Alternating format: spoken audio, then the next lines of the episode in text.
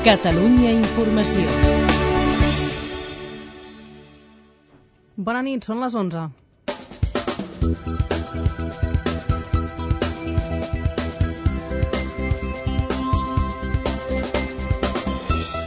Moren dues víctimes més per l'explosió de gas de Gavà, una jove de 17 anys i un home de 41, i ja són tres els morts. El conseller Saura diu a Catalunya Ràdio que la fuita d'aigua va provocar l'acumulació de gas que va causar l'explosió. El gas va arribar a l'edifici a través de la canonada de serveis de llum i telèfon. Nissan reitera els acomiadaments, en retira els acomiadaments i pacta amb els sindicats la suspensió temporal de contractes a un màxim de 3.500 treballadors. La mesura s'aplicarà durant 3 mesos i mig i afectarà els empleats de manera rotatòria. Milers de persones s'han manifestat en silenci pels carrers d'Azpeitia per expressar el seu rebuig per l'assassinat de l'empresari Ignacio Uria i per exigir a ETA que deixi les armes. Abans s'han fet els funerals oficiats pel bisbe de Sant Sebastià, Juan María Uriarte. Amb les estacions d'esquí en funcionament s'espera que l'ocupació pel pont superi el 80% al Pirineu.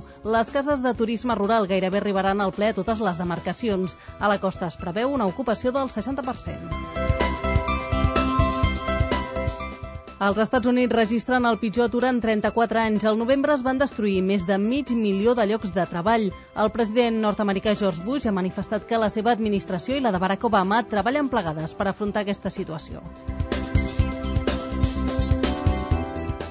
El PSOE planteja la possibilitat que el nou finançament no estigui a punt l'1 de gener. El govern català recorda que els presidents Montilla i Zapatero van pactar que estaria llest abans d'acabar l'any.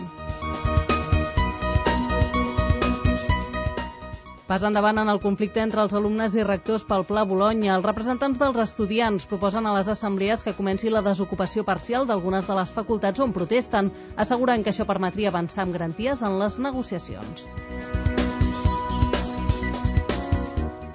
I el temps, aquest dissabte començarà amb cel assolellat i temperatures de dia molt semblants a les d'avui divendres. A les comarques costaneres i del prelitoral es pot arribar a valors dels 17-18 graus i a partir de la tarda s'aniran nuvolant per l'oest del país.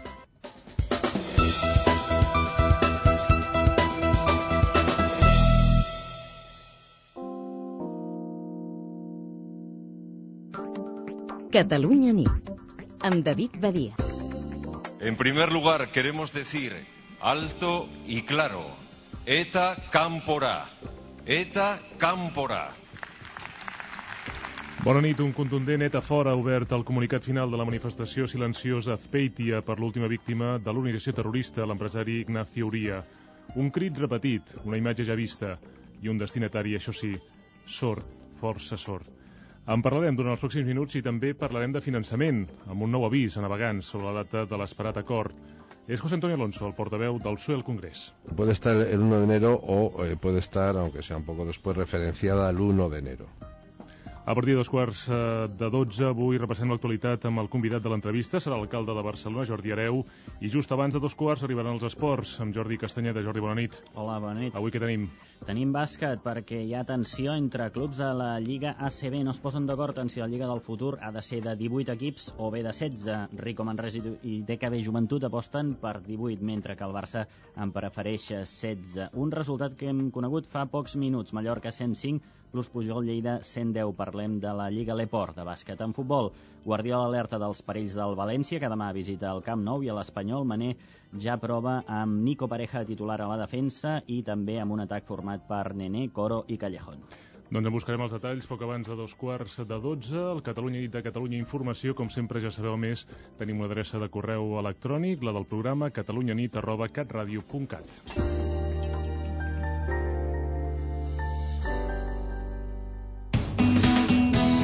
Bona nit. Caixa Penedès us amplia la informació i us acosta a l'actualitat. Les notícies més destacades a fons. Caixa Penedès. Persones al servei de persones. Passen ara mateix 5 minuts de les 11. Comencem. Speitia s'ha mobilitzat aquest vespre per exigir novament a ETA que deixi les armes. Milers de persones s'han manifestat per mostrar el seu rebuig per l'assassinat de l'empresari Ignacio Uria, mort a trets per l'organització terrorista. Abans, tot just, s'havien fet els funerals, oficiats pel bisbe de Sant Sebastià, Juan María Uriarte. A la seva homilia s'ha preguntat si aquest és el camí per l'alliberament que promet la banda terrorista ETA. Hem de marxar aquesta hora doncs, fins a Speitia. Ens hi espera Dani Gómez. Dani, bona nit. Bona nit novament. Milers de veïns d'Espeiti han demostrat en silenci el seu rebuig a ETA. La manifestació celebrada després dels funerals per Ignacio Uria ha estat encapçalada per una pancarta en euskera amb dues paraules. ETA camporà, ETA fora. L'han portat dos germans de la víctima i la seva filla petita, ajudats pels regidors del consistori d'Espeitia, del PNB, Eusko Cartasuna i Aralar. Només hi han faltat els de l'esquerra Bertzale. En el comunicat final, llegit davant l'Ajuntament governat per la il·legalitzada ANB, s'ha exigit la desaparició d'ETA. En primer lugar, queremos decir alto y claro, ETA Cámpora. En segundo lugar, queremos mostrar nuestra solidaridad a todos los empresarios vascos y agradecerles en nombre de toda la sociedad su trabajo y su tesón. Y en tercer lugar, para hacer llegar a la familia, los amigos y los compañeros de Ignacio Uría nuestra condolencia y solidaridad. En la manifestació han participat nombrosos representants polítics, els més destacats, l'Endacari Barretxe, les ministres Magdalena Álvarez i Cristina Garmendia, la secretària d'Organització del PSOE, Leire Pajín, i també la dirigent del PP, Soraya Sainz de Santa Maria. La marxa ha acabat amb un minut de silenci en record d'Ignacio Uría. Gràcies, Dani. Un atemptat d'ETA, l'últim que ha obert també un nou front polític, en aquest cas Acció Nacionalista Basca, que no ha condemnat aquesta acció terrorista. Doncs bé, el govern espanyol ha anunciat que emprendrà accions legals per tal d'arribar a fer fora dels ajuntaments els membres d'Acció Nacionalista Basca, d'ANB. Els serveis jurídics de l'Estat han començat a treballar per tal de trobar la fórmula per fer-ho efectiu. Madrid, Sigfrid Gras. Hola, bona nit. La vicepresidenta de l'executiu central, Maria Teresa Fernández de la Vega, explica que el seu govern no permetrà que els regidors d'ANB continuïn fent el joc a ETA. Quienes parapetados tras sus actas de cargos electos les amparan con su omnioso silencio, deben saber que el gobierno no está dispuesto a seguir su juego.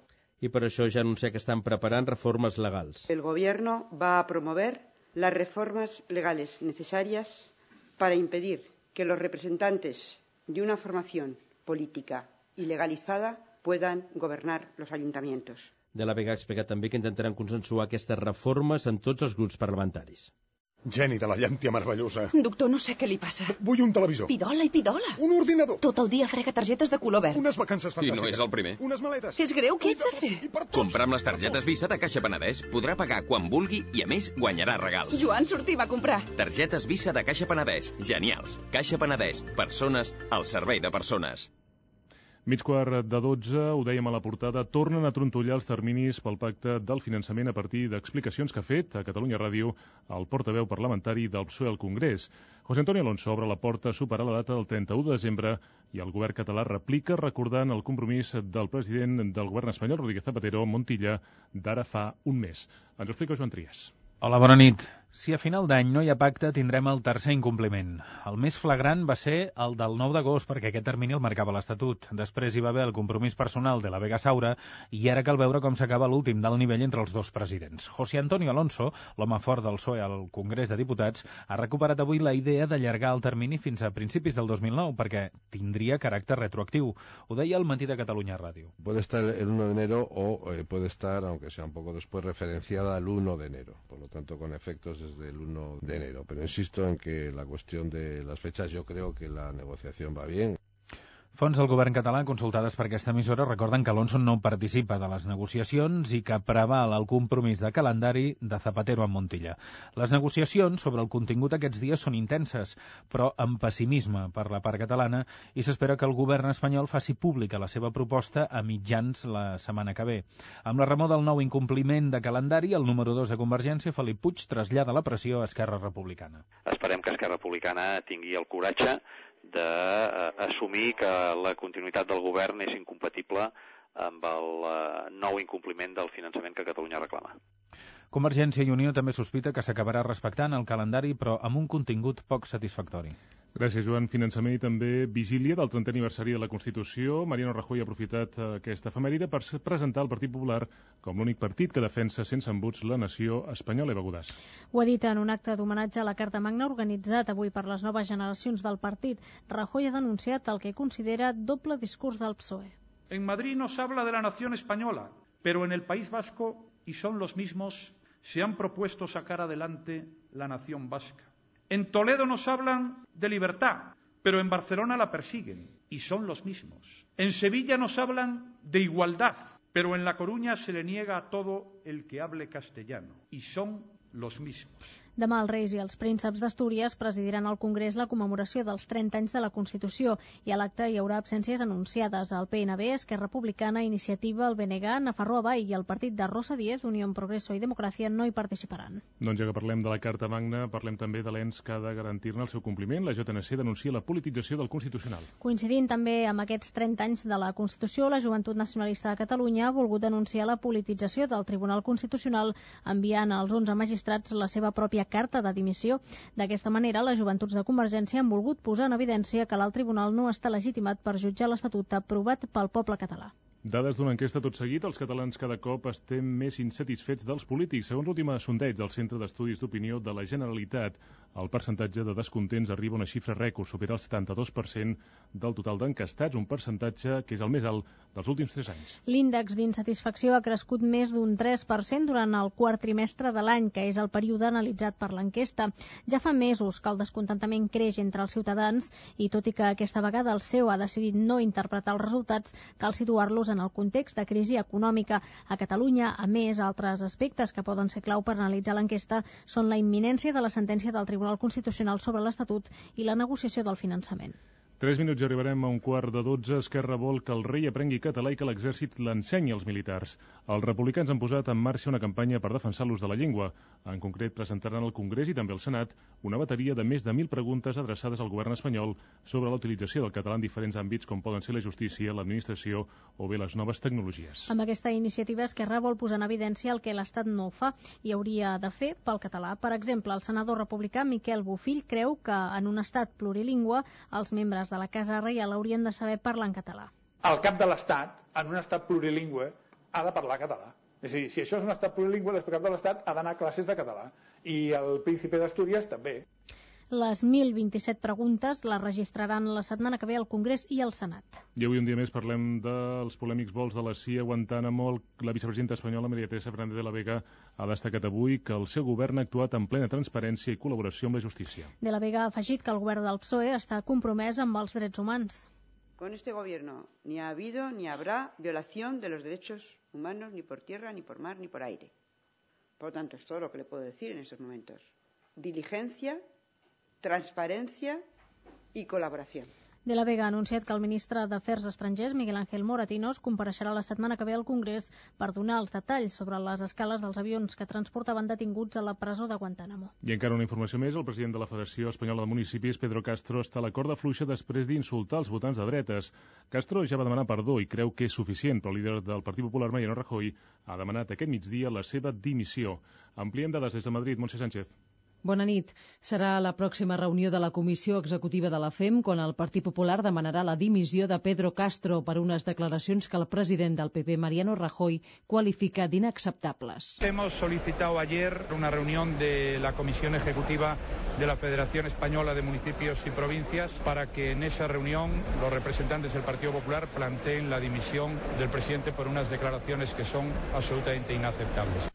Les paraules que posen en dubte la continuïtat de Castro són aquestes. El dinero de, la, de, las pensiones no es de la Comunidad de Madrid. El dinero se lo transfiere el Estado. Todo lo que le decimos es, coño, da una paga más para los mayores. ¿Por qué la Junta de Andalucía lo puede hacer y no la Comunidad de Madrid? ¿Y por qué hay tantos tontos los cojones que todavía vota a la derecha? La vicepresidenta del govern espanyol, Maria Teresa Fernández de la Vega, considera que Castro ja va demanar disculpes per unes declaracions poc afortunades. Catalunya nit. L'anàlisi de la política i els seus protagonistes a Catalunya Informació. Arribarem pràcticament a un quart de dotze i en aquest punt repàs a l'activitat dels últims set dies al Parlament de Catalunya. L'Hemicicle. L'actualitat parlamentària a Catalunya Informació. Amb Ignasi Abad i David Àngela. I el muntatge de Salva Pou. Vist en perspectiva pot semblar trivial, però el cert és que unes bosses de plàstic han estat a punt de posar en qüestió la unitat de vot del tripartit ni més ni menys que en un dels projectes capdals de l'any, el d'acompanyament de la llei de pressupostos. Semblava que estava a punt de caramel, però de moment la signatura del Pacte Nacional d'Immigració haurà d'esperar una mica més. Avui fem un seguiment intens d'una jornada laboral del president del Parlament, Ernest Benac, i el qüestionari el respon la diputada de Convergència i Unió, Marta Alós.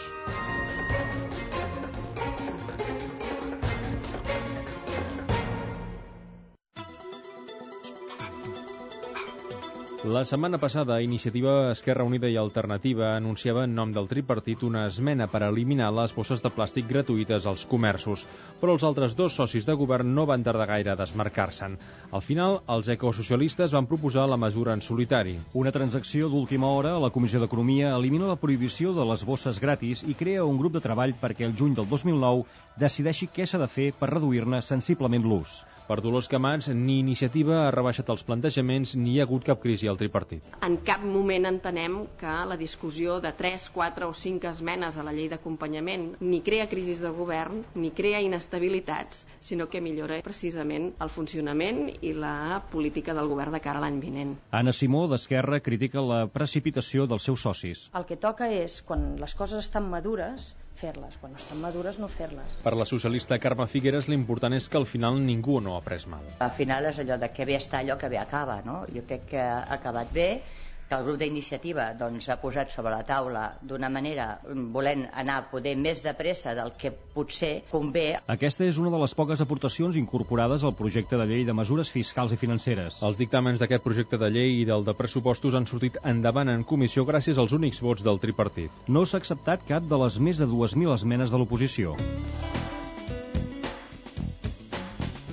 El consens polític pel futur Pacte Nacional d'Immigració està molt avançat segons Esquerra Republicana. Anna Simó hi posa data. Que els treballs estan molt avançats. L'objectiu és, abans d'acabar el mes de desembre, que es pugui signar aquest pacte. Però des de Convergència i Unió, Oriol Pujol no ho veu tan clar. I el pacte, per part de Convergència i Unió, no està tancat. És un tema que està viu, que està viu en diferents fronts, eh? que ja veiem que s'intenta simplificar, amb una voluntat de simplificar el pacte al voltant de si el pacte és sí el vot, no el pacte és no el vot. Hi ha el vot hi ha moltes coses més. El conseller Joaquim Nadal ha anunciat a la Comissió de Política Territorial que s'augmentarà del 50 al 75% el cofinançament d'obres en municipis petits en el marc de la llei de barris. Garantir que el cofinançament entre el món local i el govern de la Generalitat basculi pel cas d'unes hisendes locals més febles i de municipis més petits cap a una proporció del 75-25. La diputada del PP, Àngels Olano, ho veu bé, però creu que es podria anar més enllà. Jo li diria més, amb els ajuntaments petits, si no poden, per què no inclús més percentatge, el que calgui. Dos consellers més, Marina Geli i Ernest Maragall, han fet balanç del programa Salut i Escola. Ja li alertava sobre algunes de les conclusions que s'han extret. El que cal és fer polítiques proactives perquè els nois també preguntin més per sexualitat, però també dit el contrari, hi ha poques preguntes de noies sobre drogues i tenim evidència que el consum compulsiu de l'alcohol entre les noies els caps de setmana està augmentant. El reportatge. Sabeu a quina hora es lleva Ernest Benac? Com és el seu dia a dia? Quins compromisos té? En definitiva, com és la seva jornada laboral? Hem viscut un dimarts qualsevol del mes de novembre amb el president del Parlament de Catalunya i l'hem viscut així. Reus, un quart de set del matí. Sona el despertador. Penyats per despertar-me i per aixecar-me i per posar-me les piles i funcionar, no? A mi m'agrada molt dormir i ara dormo molt poc. Tres quarts de nou. Parlament de Catalunya. Què tal? Bon dia, president. Sense matat a la guàrdia. Esmorzar al bar del Parlament. Apunta a la d'esquerra. Les 9. Reunió de la mesa a porta tancada i en la qual es dona tràmit a totes les iniciatives parlamentàries. Aquesta és la funció fonamental. Hi ha un tràmit previ inicial que és el de l'admissió a tràmit per la mesa. I per tant, que la mesa li dona garantia, dona, diu aquest document és bo i per tant a partir d'aquí tira. Això és una gran part de la reunió de la mesa. Per entendre'ns, el Parlament no deixa de ser una empresa i en la qual hi ha un Consell d'Administració que és la mesa i que és la que pren les grans decisions. Les 10. Reunió amb el grup parlamentari d'Esquerra Republicana. Bé, jo formalment no participo de la dinàmica del grup parlamentari en tant que no vaig a comissions. El que sí que m'agrada tenir aquest contacte amb el meu grup parlamentari, perquè en definitiva tampoc seria lògic no, no, no saber què fan, vull dir, no, no som coses aïllades. La una. Plaça Sant Jaume. Acte amb motiu del Dia Internacional per l'Eliminació de la Violència Gràcies de Gènere. per la vostra presència aquí, per voler expressar la vostra complicitat i solidaritat. Les 4. Parlament. Reunió de coordinació amb els seus col·laboradors. A la fila asseguts estareu eh, autoritats intercalades amb membres de la Fundació. Tu estaràs entre el senyor Castellet i una, una neta del, de Joan Miró. I demà comencem a les 10 amb la sessió plenària. I per tant el dia de ple és dia de ple. Aquesta reunió aquí a les Vas 5. passar tu el contacte que aprofitava que pujàvem una diputada cap Ah, aquí sí, al la diputada Villacona. Sí, sí, sí, que la vaig saludar. Les 5. Sala de plens. Catalunya, català és molt, molt important. Mm, a Filipines parleu tagalo també, no? Sí. I és important? L'idioma propi de les Filipines és el tagalo. I a més a més es parla en anglès. Doncs aquí d'alguna manera, aquí molta gent parla català, que és l'idioma propi de Catalunya, i tothom parla català i castellà. Ara anem a la Fundació Miró, que es fa un acte de commemoració dels 25 anys de la mort de Joan Miró. Trajecte amb el cotxe oficial del president cap a la Fundació Miró. Hi ha dies que és l'oficina, perquè no passo pel despatx, en canvi el cotxe sí que hi treballo. El que em va saber greu és que com a país eh, no hi havia potser la, el gruix que hi havia d'haver en determinats moments perquè eh, en fi, Ernest Benac és relativament important i en canvi el president del Parlament ho és molt. Llavors, quan tu expliques la veritat de tot el que va passar i el que era exactament, efectivament, francament, ens hem deixat emportar per una polèmica absurda provocada per un diari de Madrid amb tota la mala intenció, que evidentment té internacionalitat política i que, a més a més, s'ha basat en una mentida fastigosa, no? Les 8. Acte commemoratiu del 25è aniversari de la mort de Joan Miró. Honorable president de la Generalitat, excel·lentíssim alcalde. Per mi era obligat fer aquesta referència en tant que ell mateix va explicar repetidament la influència de la força de la terra de Montroig. La força que en trepitjar fort li entrava pels peus. Moltes gràcies. Dos quarts d'onze. Cinema Alexandra de Barcelona. A l'estrena de Forasters, que és una pel·lícula de la va estrenar l'Aventura Pons. A veure, la pel·lícula que ha fet l'Aventura Pons aquesta vegada me n'han parlat bé i després també, perquè és clar, cinema en català, expressar el suport a les estrenes de les pel·lícules així, penso que també està bé. Gràcies per venir una altra vegada, eh? faltaria. Va, portem... Molt bé. Tot bé? Tot molt bé. Una de la matinada. S'acaba la jornada. Arriba un punt en què vas tan rebentat i tan cansat que et renta les dents, et poses al llit, el cap et toca el coixí i, i, i ja està. No. Intento, quan arriba aquest punt, o escoltar música o abstreure-me'n bastant per no trencar una mica amb els pensaments del dia i, i fer-ho l'endemà, perquè s'ha de descansar.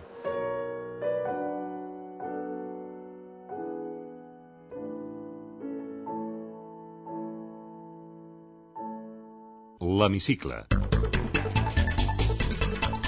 Repassem en format més breu altres qüestions parlamentàries. El secretari de Mobilitat, Manel Nadal, justifica en comissió l'augment del 7% de la T10 davant les crítiques de l'oposició. L'escoltem a ell i al diputat convergent Albert Batalla. que fa servir, sí, sí, el 75% de la gent, però que hem d'intentar que la gent tingui la T més, o la T jove, o la T trimestre, que són més fidelitzants. Potser el que hauríem de fer és mirar de millorar les condicions per poder obtenir aquests títols més sectorials i no apujar un 7% la T10. Representants de la comunitat educativa porten a la cambra més de 20.000 signatures de suport a les esmenes presentades al projecte de llei d'educació. Això passava dilluns l'endemà de la manifestació contra la LEC davant del Parlament. Agra picabaralla entre Convergència i Unió i el PSC per l'explosió de gas a Gavà. Sentim Muriel Pujol i Carme Figueres. L'explosió ha posat damunt de la taula una cosa que el tripartit intenta silenciar, que és el barri de l'Espinós de Gavà. Lamentem aquesta actitud de Convergència i Unió tan desgraciada i tan miserable. Concentració silenciosa per l'últim atemptat mortal d'ETA. El Parlament ha condemnat així l'assassinat dimecres de l'empresari basc Ignacio Uria. Ciutadans demana la dimissió del conseller d'Interior. El diputat Albert Rivera considera intolerable la sanció a un mosso d'esquadra pel fet d'utilitzar el castellà en comunicats interns. Hemos solicitado una propuesta de resolución la dimisión del conseller Saura con ese expediente sancionando en empleo y sueldo a un mosso d'esquadra por utilizar eh, una de las lenguas oficiales en Cataluña. ¿no? Què tenen en comú el responsable de premsa del PSC al Parlament, Pep Prieto, el diputat del PP, Rafael López Rueda,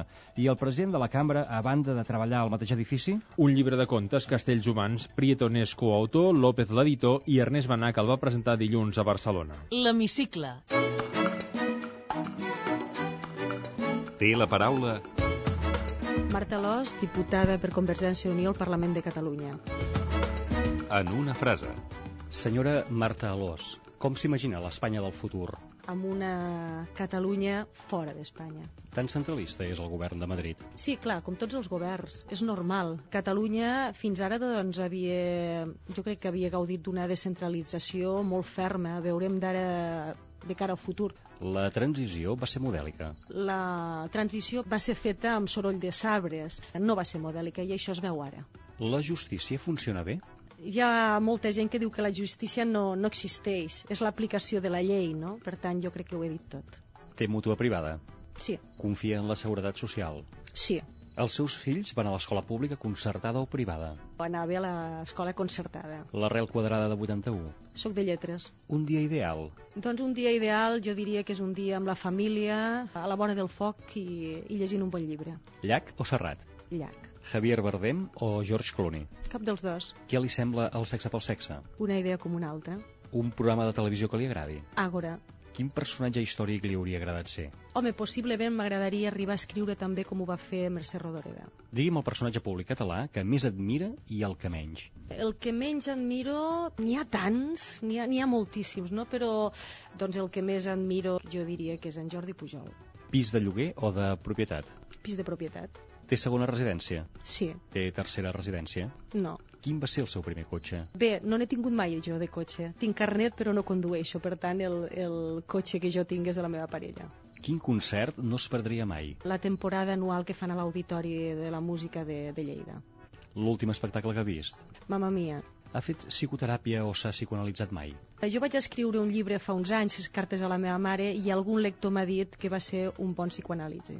S'ha de reformar la llei de l'avortament. Jo vaig ser mare als 17 anys i, i per tant el tema de l'abort és un tema que és molt polèmic pel que fa a la meva persona. Ha fet mai nudisme? Sí, Com li surt la declaració de la renda? positiva.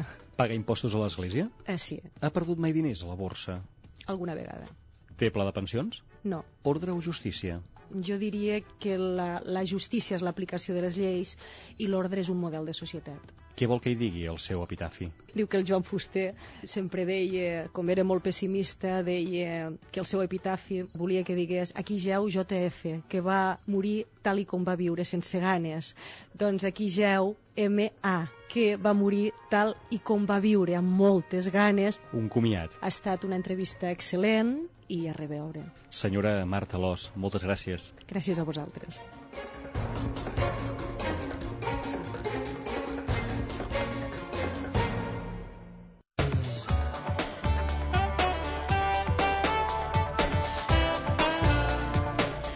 Dos minuts clavats i arribarem a dos quarts de dotze. Arriben els esports. Jordi Castanyeda, bona nit. Hola, bona nit. Ens havies parlat de bàsquet, però ara em sembla que comencem amb futbol, eh? Sí, eh, perquè demà hi ha un partit important. El Barça juga un partit contra un rival directe per guanyar la Lliga. A les 10 del vespre el Camp Nou rep un València que va tercer i aquí supera de 5 punts. Guardiola no accepta excuses pel fet que el seu màxim golejador Eton no jugui per sanció i espera que demà l'afició els ajudi.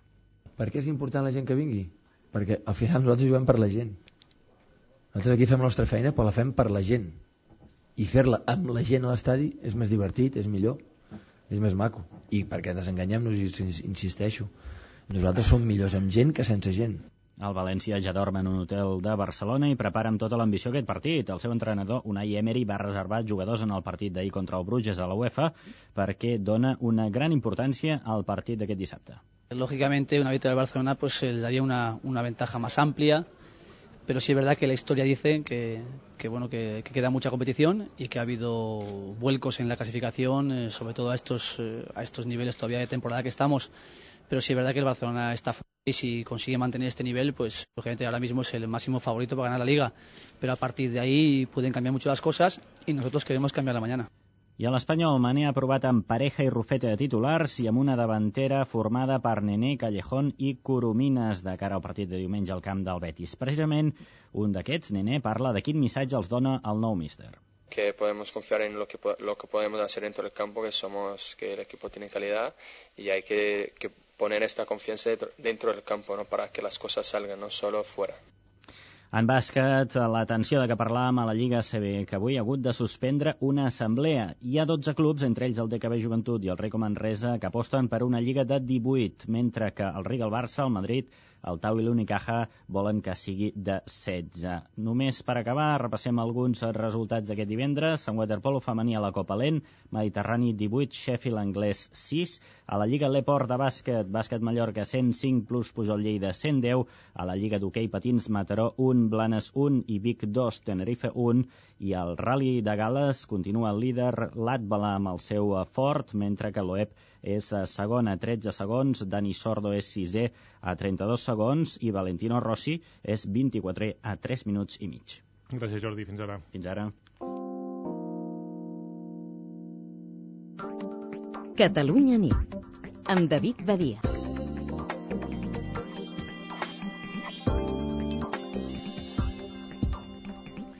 Mitja hora i deixarem enrere aquest primer divendres del mes de desembre, 5 de desembre de 2008, que ha generat aquests titulars que repassem tot seguit amb Esther Castanyer.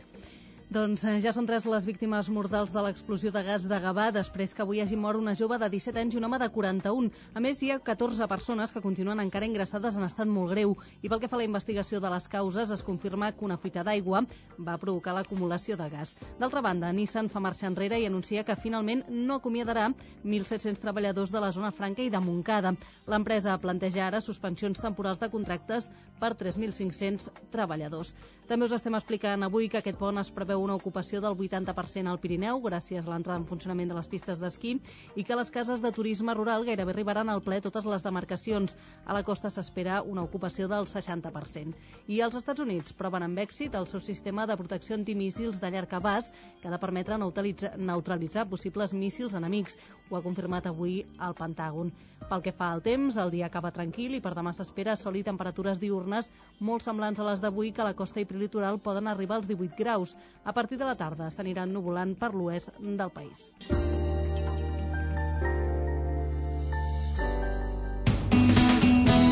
Bona nit. El número premiat del cuponàs celebrat avui és el...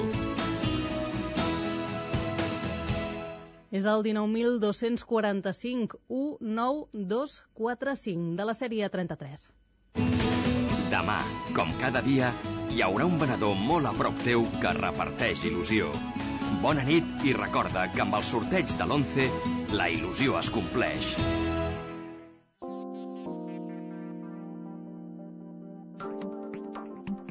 L'entrevista del divendres.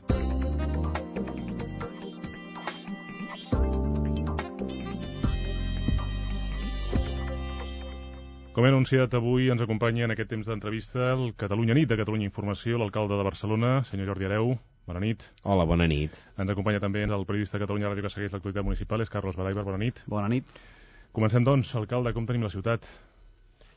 Doncs la ciutat la tenim bé, amb confiança i amb molts projectes per tirar endavant i encarant com qualsevol ciutat de, de l'estat espanyol, d'Europa i del món, anava a dir doncs un moment que té la complicació de la crisi econòmica.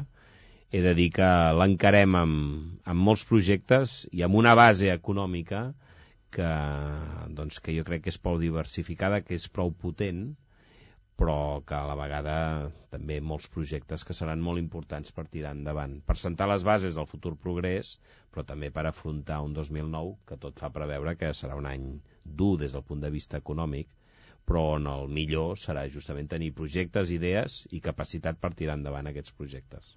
En parlem, si li sembla, ara mateix. La crisi econòmica, sens dubte, un dels temes destacats, però abans li volem preguntar sobre una notícia que fa un parell de dies tot just ens despertàvem amb aquesta explosió de gas a Gavà, número de ferits, també de goteig de víctimes, que determina una mica la magnitud d'aquesta tragèdia, de la mateixa manera que abans ho va ser ciutats, municipis com Santa Coloma de Gramenet o bé Cornellà. Com a responsable d'una administració, creu que s'han de revisar el que són els protocols d'actuació de les companyies subministradores de serveis?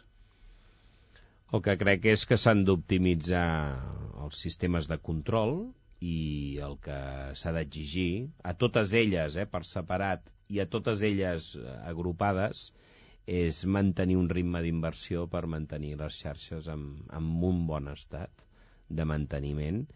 Per tant, tenir un, unes bones xarxes és la millor garantia per minimitzar els accidents. Eh? I per tant, a mi em sembla que això és quelcom que les administracions hem d'exigir permanentment i després fer el control. En aquest sentit, doncs hem de lamentar eh, aquest accident que és greu. Jo aquest matí he estat a la Vall d'Hebron i bueno, amb el seguiment que s'està fent s'està atenent a la gent perfectament. L'alcalde de Gavà està coordinant molt bé els, els treballs i nosaltres intentem ara ajudar en el que és l'acompanyament dels familiars, de tot l'entorn familiar de les víctimes. Eh? Des del nivell de l'Ajuntament, aquest control com queda? Ho dic perquè moltes vegades el ciutadà té la impressió que com a ciutadà particular hi ha un seguit de controls fins i tot rigorosos i quan passa una tragèdia d'aquestes a nivell de les companyies subministradores es acaba ben com una difuminació que no se sap mai on acaba. Per això, um, jo en el que crec és amb les estratègies um, més enllà dels incidents i els accidents. Eh? ha de ser una pressió constant perquè tinguin els nivells d'inversió per mantenir les infraestructures en el nivell que han d'estar. De, I això eh, eh, exigeix un esforç d'inversió regular en el temps i en la mesura adequada. Eh? Això més intentar sectoritzar, separar bé eh, una xarxa de les altres, eh? i per tant amb bones galeries de servei, amb elements que facin que una eh, no malmeti una altra eh? i per tant això exigeix un esforç d'inversió i en el que és el manteniment d'aquesta infraestructura doncs s'ha de tenir en compte això um, jo crec que hi han lleis creixents que això ho han d'anar um, garantint i després nosaltres hem de veure que aquestes lleis es van complint. Li posaré un exemple. Nosaltres vàrem tenir l'any passat una gran apagada elèctrica doncs escolti, ara hi ha una llei que ens garanteix la qualitat de servei i nosaltres tenim una mesa permanent amb les companyies elèctriques, en aquest cas, doncs en el qual anem fent el seguiment d'aquesta inversió, eh?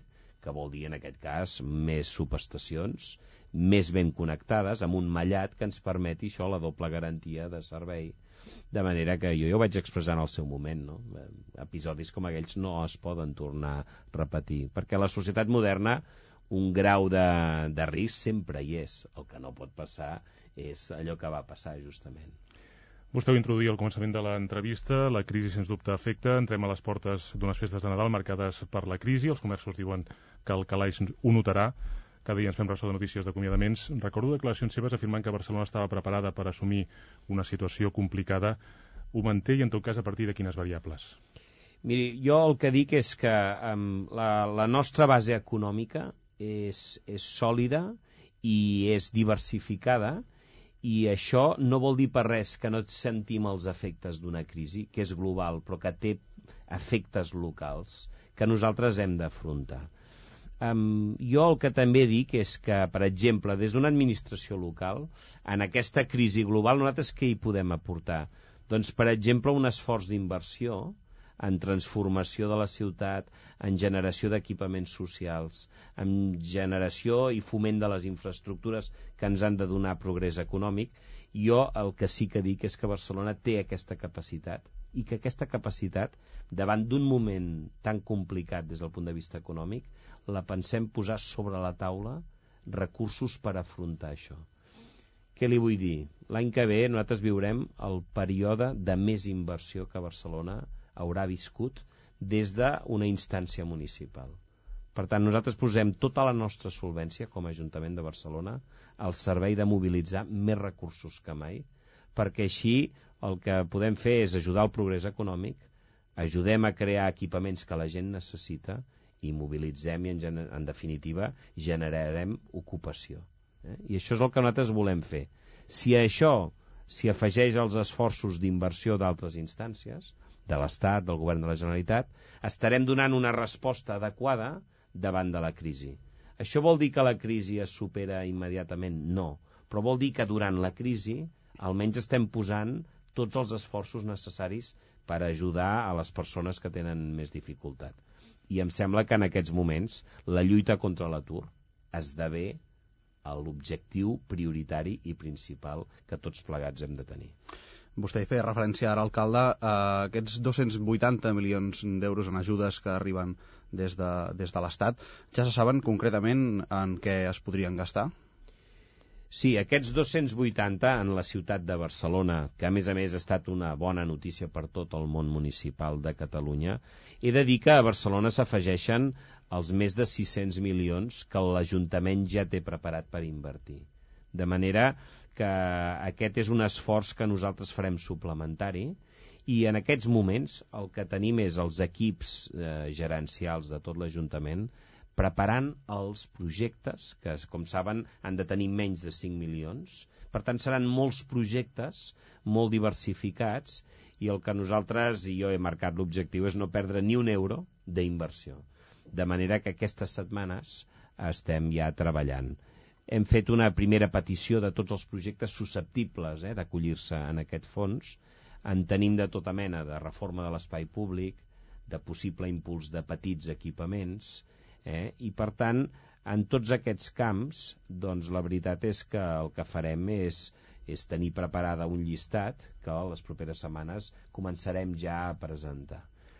Li he de dir que estic segur que complirem aquest objectiu, eh? de no perdre cap recurs i posar els 283 milions d'inversió que he de dir que sumaran a l'esforç que ja teníem preparat en el nostre pressupost. De manera que ara no es tracta d'estalviar esforços, sinó de sumar esforços. Parlava del 2009, parlava, si parlem del 2009, de l'any que ve i parlem d'una infraestructura, tenim la terminal de l'aeroport de Barcelona al Prat, la T-Sud, ara rebatejada com a T1, no sé si arriba en el millor moment per aquesta situació econòmica.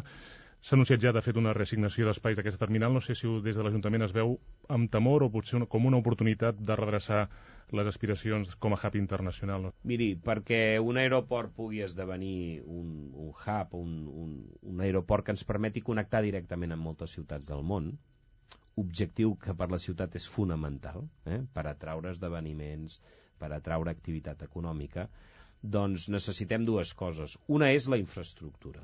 La infraestructura la tindrem, eh? perquè vol dir molts metres, més metres quadrats de terminal per poder donar un millor servei.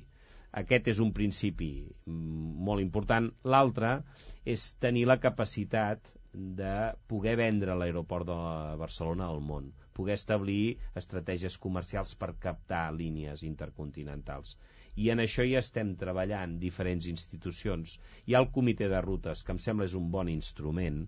A la llarga sap que haurem de reformular els criteris de gestió on, per exemple, institucions com la Generalitat, l'Ajuntament de Barcelona, l'àrea metropolitana, puguem estar també en el que és la decisió estratègica, no? junt amb altres sectors econòmics, inclús privats. Crec que això serà important, però mentre el comitè de rutes el tenim treballant intensament per lograr això. Terminals més model de gestió, això és el que ens ha de portar a enfortir l'aeroport de Barcelona.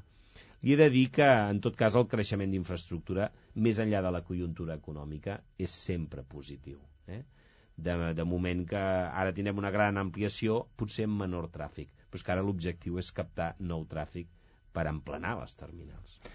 Parlàvem d'infraestructures, n'hi ha un altre, en aquest cas Foment ha presentat tot just la setmana passada el Pla de Rodalies de, de Madrid, del de Barcelona, què en sabem, què n'espera? Doncs miri, jo que porto des de que sóc alcalde reclamant un pla de Rodalies per Barcelona, el que em diuen és que no tardaran massa a presentar.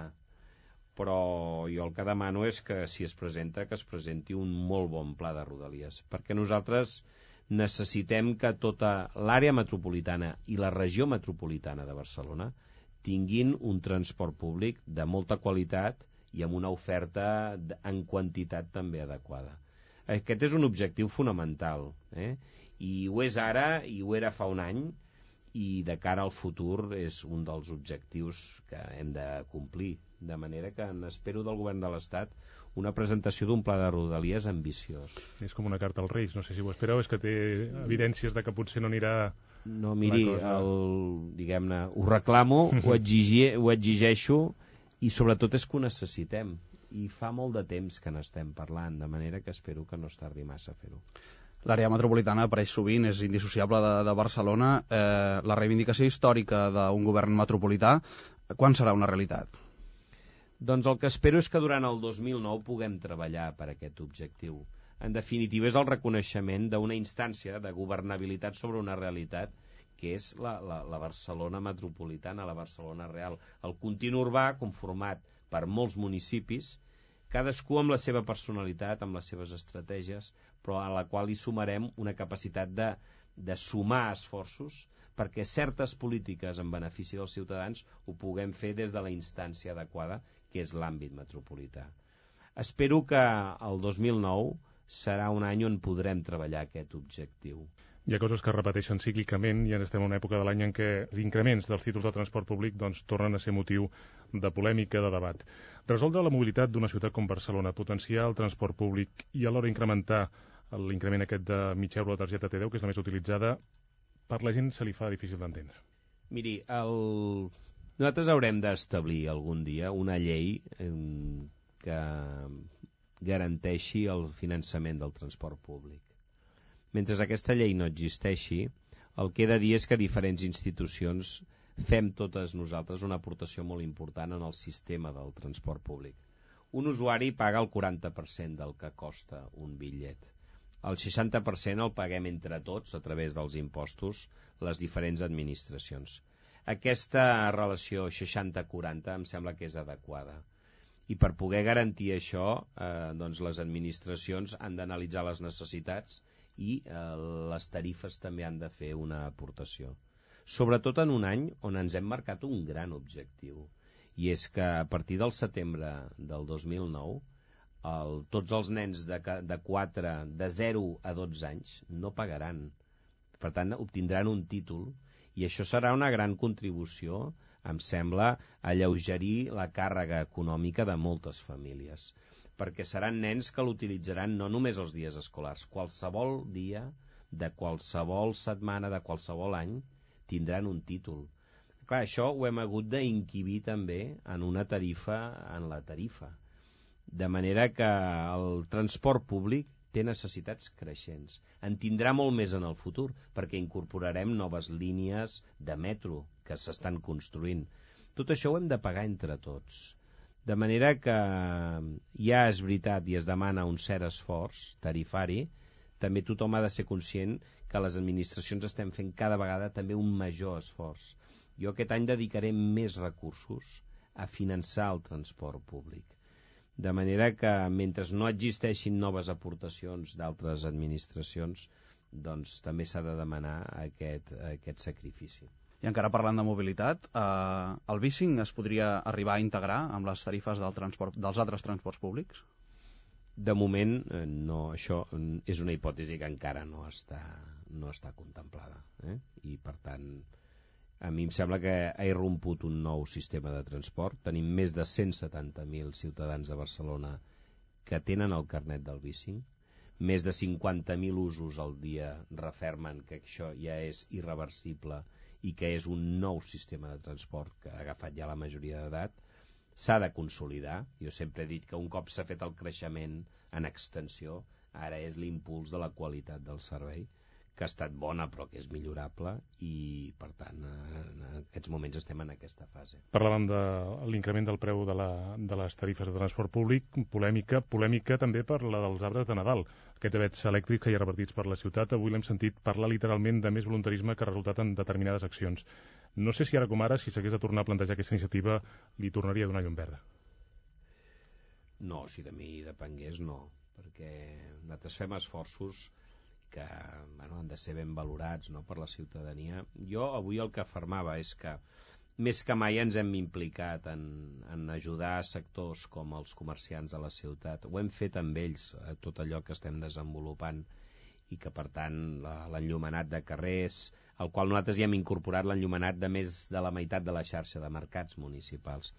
Per tant, en un moment de dificultat hem fet, és així, més esforç que mai um, hi ha hagut també doncs, aquest projecte que, en el qual el que he dit és s'ha fet amb bona fe, s'ha fet per ajudar, per aportar també un element més i doncs, home, és evident que, que no ha donat els resultats esperats. Per tant, en aquest sentit, home, doncs diria que allò que no dona els resultats esperats, doncs segurament no ho repetiríem.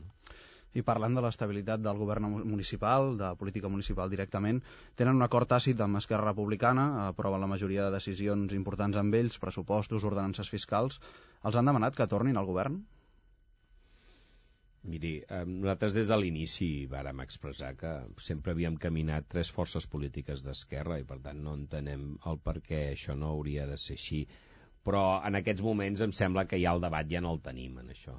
Els primers mesos del mandat sí, però un cop ja les voluntats estan afermades, doncs no estem treballant en el panorama actual, que li he de dir que és òptim, eh? Vull dir que estem treballant perfectament, estem tirant endavant els projectes, i per tant també és veritat que amb el diàleg un pot eh, treballar positivament per la ciutat i quan hi ha una força que s'ha definit en el camp de l'oposició però sempre afirma que és una oposició constructiva doncs hem après entre tots a treballar en aquest marc i ho fem de manera satisfactòria eh?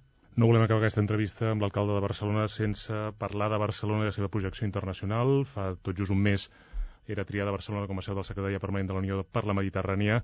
Tots els mitjans en van fer ressò, en van destacar el fet de convertir-se en aquest referent internacional sobre aquesta qüestió. Barcelonins i barcelonines es pregunten quina traducció té el seu dia a dia, és a quina resposta es pot donar des de l'Ajuntament el fet de que Barcelona tingui aquesta secretaria permanent. Doncs miri, el, la Barcelona de la cohesió social, la Barcelona del creixement econòmic, la Barcelona de la transformació urbana, la Barcelona, en totes aquestes dimensions, es veu reforçada amb la Barcelona de la capitalitat. O sigui, el concepte de capitalitat és important per enfortir les altres dimensions. De manera que al ser la seu d'un organisme que és fruit de l'acord de 43 estats, doncs això vol dir, efectes pràctics, el que tu esdevens al centre d'una de les polítiques més importants que té Europa que és la seva relació amb el sur, amb l'espai mediterrani. Això vol dir que d'aquí uns mesos, quan es generi aquest òrgan, et vindran uns tècnics, uns funcionaris que treballaran de manera permanent aquí, però que sobretot tindran la responsabilitat d'analitzar, treballar, avaluar tots els projectes de cooperació entre Europa i la resta de la Mediterrània. Clar, això vol dir moltes oportunitats des del punt de vista econòmic, perquè aquí es decidiran molts projectes molt importants. Això pot ser una oportunitat pel nostre teixit empresarial. Això vol dir que aquí et vindrà molta més gent. Això vol dir que aquest organisme potser ens atrau altres organismes internacionals.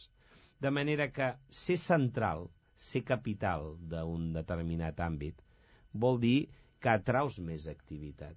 Però sobretot el que voldria dir és que llavors aquesta ciutat té un escenari que té el repte d'emplenar-lo de contingut, si s'ho proposa. Que això al final té una gran traducció econòmica, no en tinc cap dubte. Que això també té una gran traducció en possibles processos polítics, també. Perquè el desenvolupament de la Mediterrània, que no ens afecta a nosaltres com a ciutat, o que algun dia la Mediterrània fos un espai de més diàleg o de pau, això no ens afecta també com a ciutat de manera que hi ha objectius polítics que certament si us logréssim ens afectarien positivament i després hi ha tota una sèrie d'efectes socials i econòmics sobre nosaltres, sobre la ciutat de Barcelona, que els haurem d'anar desplegant i explicant. Temps tindrem, doncs, per explicar-ho. Agraïm la presència de l'alcalde als micròfons de Catalunya Informació. Fins una altra i bona nit. Bona nit. Gràcies, gràcies. Carles, també bona nit. Bona nit.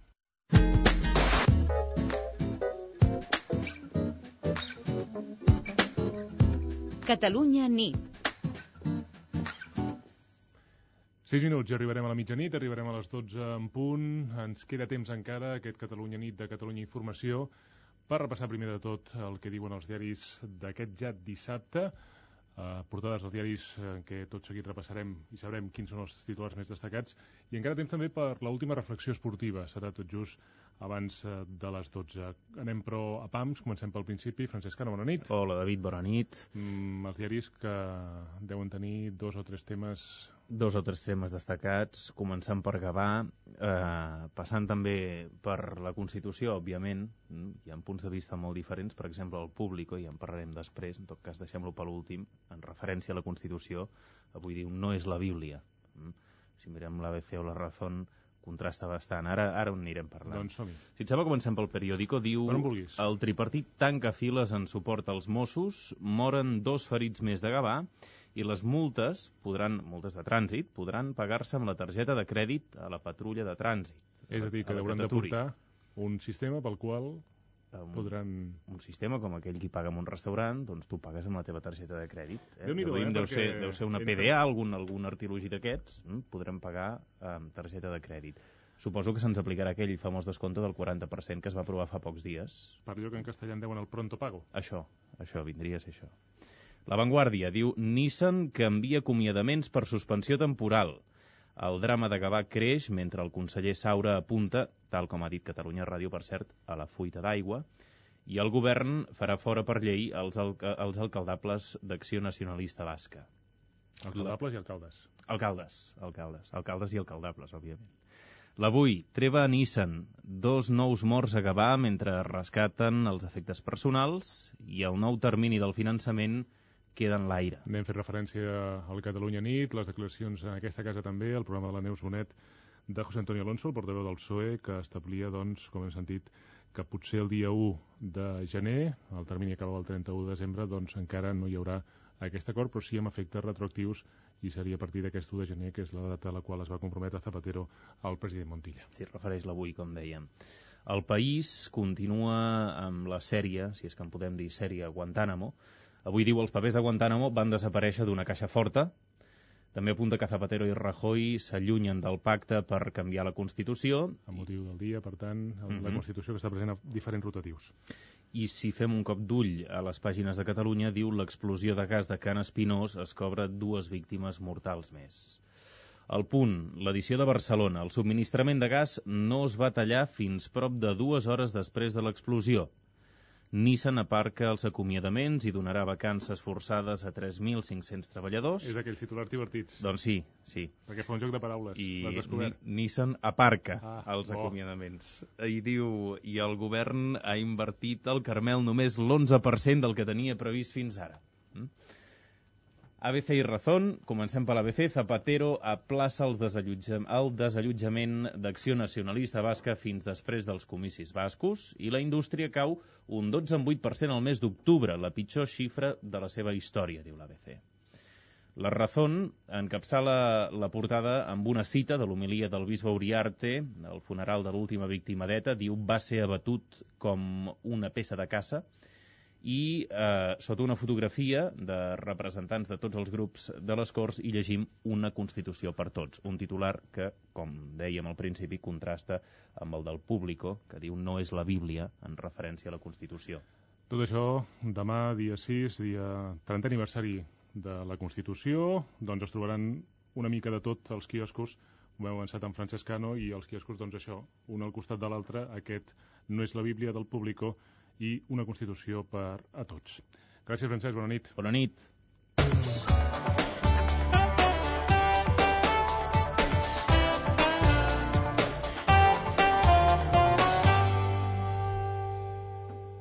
Doncs dos minuts clavats i arribem a les 12 i ara els esports amb els quals tanquem. Jordi Castanyeda, tot teu. Bona nit. Bona nit, doncs mira, repassem uns titulars eh, per recordar-vos que en futbol eh, Guardiola alerta que el València, que ja es troba concentrat a Barcelona, és un rival molt perillós eh, de cara al partit de demà a les 10 al Camp Nou. Pel que fa a l'Espanyol, Mané ja va perfilant el seu equip de cara a diumenge al camp del Betis. Nico Pareja seria titular a la defensa i els tres davanters serien Nene, Coro i Callejón. Pel que fa a la reflexió, avui parlem de bàsquet, concretament de la Lliga C, perquè hi ha una guerra oberta entre dos sectors i en aquests dos sectors hi ha catalans dividits. El Rico Manresa i el DKB Joventut estan en un grup de 12 que volen que la Lliga sigui de 18 equips, mentre que el Riga el Barça, junt amb el Madrid, el Tau i l'Unicaja, està en un grup que aposta que la Lliga del futur, la futura Lliga ACB, sigui més tancada, més reduïda i, per tant, de 16 equips. Avui havia d'haver una assemblea per decidir que la Lliga fos en principi de 18, però ha caigut del grup majoritari al Jurventia Bilbao, que s'ha començat a alinear amb la tesi del 16 i, per tant, no s'ha pogut prendre aquesta decisió. D'aquesta manera, l'Assemblea ha quedat suspesa, continuen les converses, però eh, ja veiem que, que cadascú defensa una mica el que li pertany a casa seva. El Barça, un habitual de les competicions europees, vol que la Lliga sigui més reduïda, amb 16 equips, i en canvi de KB Joventut i Rico aposten perquè hi hagi 18 equips. Una mica com també ha passat a nivell europeu, amb diferents lligues bueno, esperar Exacte. a veure què passa, ja que també tenim la NBA que també vol instaurar-se a Europa. A veure com es, com des, es va desenvolupant sols, aquest... Acabaran jugant sols, grups de quatre i a córrer. Doncs nosaltres acabem. Júlia Aparicio, el control de so, Marta Jerez, eh, Eva Godàs a la redacció, a la secció de política de Catalunya Ràdio.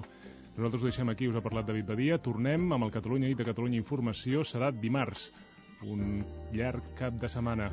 Bona nit.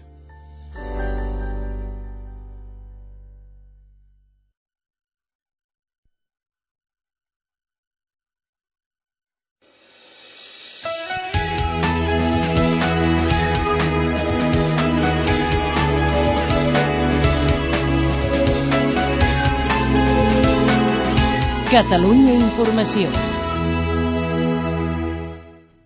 És mitjanit.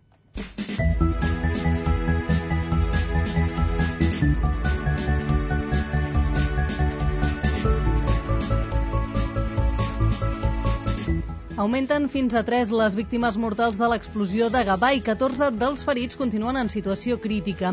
La investigació preliminar confirma que una fuita d'aigua va perforar la canonada del gas que es va anar introduint a l'edifici pel forcet del soterrani. Mentrestant, alguns dels veïns han pogut entrar a casa seva per recollir algunes pertinences. Nissan fa marxa enrere en la intenció d'acomiadar gairebé 1.700 treballadors de la zona franca i Montcada. Ara planteja suspensions temporals de contractes per 3.500 treballadors. L'empresa i els sindicats han arribat a aquest acord per continuar negociant. Milers de persones s'han manifestat en silenci